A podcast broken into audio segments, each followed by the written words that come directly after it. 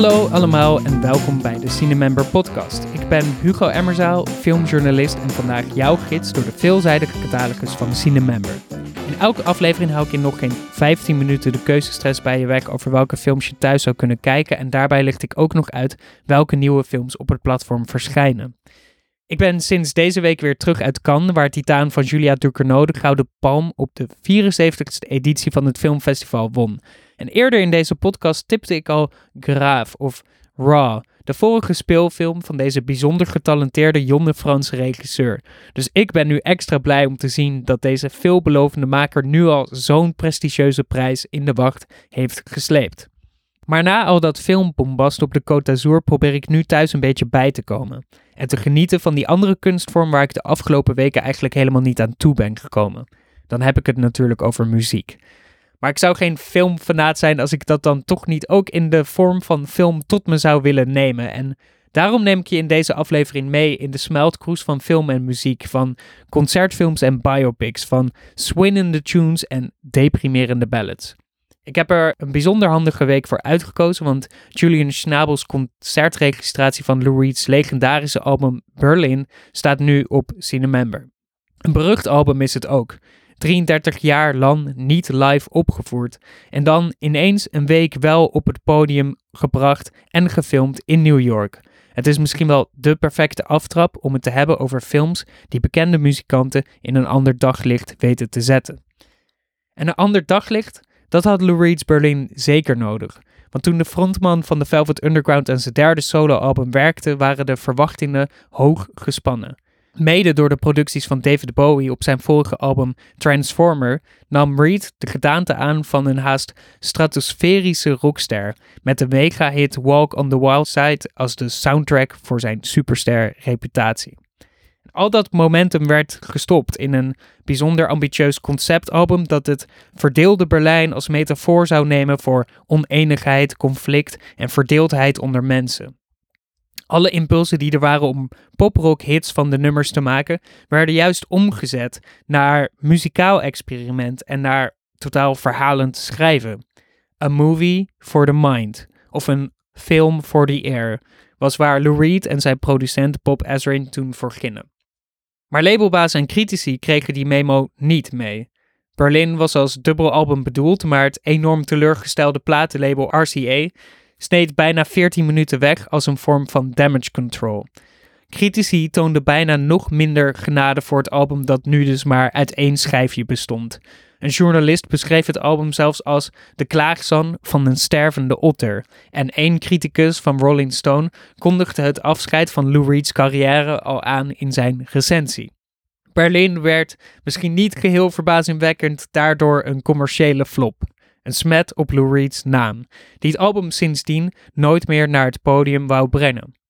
33 jaar later was die tijd alsnog eindelijk wel rijp om dit fascinerende muzikale pareltje naar een live publiek te brengen. Bijgestaan door een gigantische band met blazers, strijkers en zelfs een kinderkoor, voerde Lou Reed Berlin pas voor het eerst ooit op in 2006. De schilder en regisseur Julian Schnabel was bij al die concerten in New York aanwezig om het hele optreden te registreren. Wat nu dus op Cinemember staat, is zijn edit van die grote comeback van Lou Reed's Berlin. En ik vind het zelf een van de mooiere concertfilms ooit geworden. Soms zitten er extreem intieme momenten in, dankzij de hele warme belichting op het podium en de hele mooie close-ups die erin zitten. En dan, als de muziek erom vraagt, verandert Berlin in een haast extatische ervaring. Een keiharde muzikale draaikok waar de camera van Schnabel middenin zit. En een grappig detail, de visuals die op het podium geprojecteerd worden, zijn ook door de dochter van Julian Schnabel, Lola Schnabel, gemaakt. En deze Julian Schnabel, zelf ook een kunstenaar overigens, heeft wel vaker films over grote kunstenaars gemaakt. Onder andere een film over Basquiat en recentelijk nog At Eternity's Gate, waarin Willem Dafoe Vincent van Gogh speelt. De regisseur weet dus wat het is aan kunst dat ons in vervoering brengt en meeneemt. Plus, hij heeft de filmische taal om dat essentiële onderdeel van goede kunst over te brengen op een filmkijkend publiek. En zo 33 jaar na data is Lou Reed's torenhoge ambitie om een film for the air of een movie for the mind te maken toch eindelijk waargemaakt met Berlin.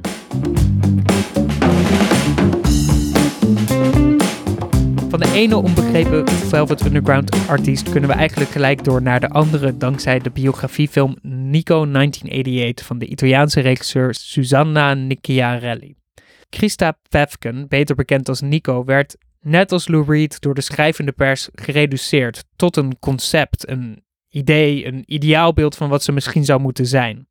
Als zangeres van de Velvet Underground schreef ze mee aan een paar van de bekendste nummers van die iconische groep. Maar haar daaropvolgende nog veel experimentelere solo-carrière voldeed daardoor bijna per definitie niet aan de verwachtingen van ook weer een publiek en de schrijvende pers. En ook in deze film is het het verstrijken van de tijd dat nieuwe inzichten geeft in de muzikale carrière van een groots artiest. Susanna Nacchiarelli maakte een biografiefilm over Nico ver na haar piekjaren, in 1988 om precies te zijn, wanneer haar jeugdigheid heeft plaatsgemaakt voor een zekere vorm van moeheid en lethargie. Er zit een fantastische scène in waarin Nico wordt geïnterviewd door een journalist die eigenlijk niet verder kan vragen dan haar tijd met de Velvet Underground en de andere mannelijke rocksterren die deel zijn geweest van haar leven. En daarbij totaal over het hoofd ziet wat voor monumentale bijdrage zij aan muziek heeft gemaakt in de jaren die daarop volgden. De Deense actrice Trine Drijholm zet Nico op zulke momenten perfect neer als een eigenzinnige en autonome kunstenaar, die als vrouw dus door anderen steeds gereduceerd wordt. En misschien is dat ook wel deels de reden dat ze weer op tour gaat in Nico 1988. Weg uit dat ingetogen kleine leven in Manchester en weer terug diep Europa in, dat op het punt staat de harde politieke scheiding tussen West en Oost los te laten. De film is echt erg exact in het verbeelden van het leven op de weg, de relaties met andere muzikanten, de soundchecks, de lange nachten, de aanvaringen met de politie en de grenswachters, de ontmoetingen met fans en bewonderaars, de alcohol, de drugs. Het is er allemaal en tegelijkertijd blijft dit een intieme film die focust op Nico als artiest, als icoon, als mens en als vrouw. Afgelopen editie van het filmfestival van Venetië had Susanna Nicarielli een nieuwe film in de competitie draaien over de dochter van Karl Marx. Wat vreemd genoeg een soortgelijk onderwerp is. Ik zie in ieder geval een connectie tussen deze twee totaal getalenteerde vrouwen die gedoemd zijn geweest om in de schaduw van de mannen die hun voorgingen te leven. Er zit daarom ook een soort droevig, bijna dubbel bewustzijn in Nico 1988, omdat we weten dat Nico na deze tour het einde van haar leven tegemoet gaat.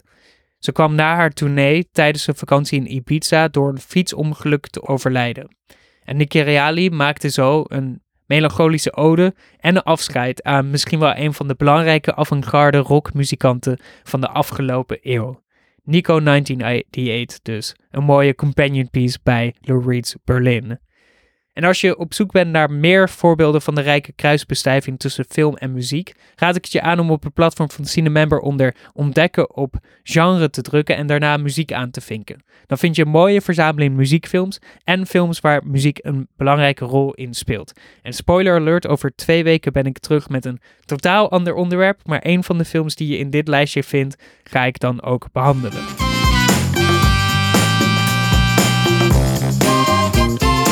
De recent verschenen films van Cinemember vind je daar overigens ook gewoon. Waarvan er dus nog twee zijn die ik natuurlijk even moet benoemen.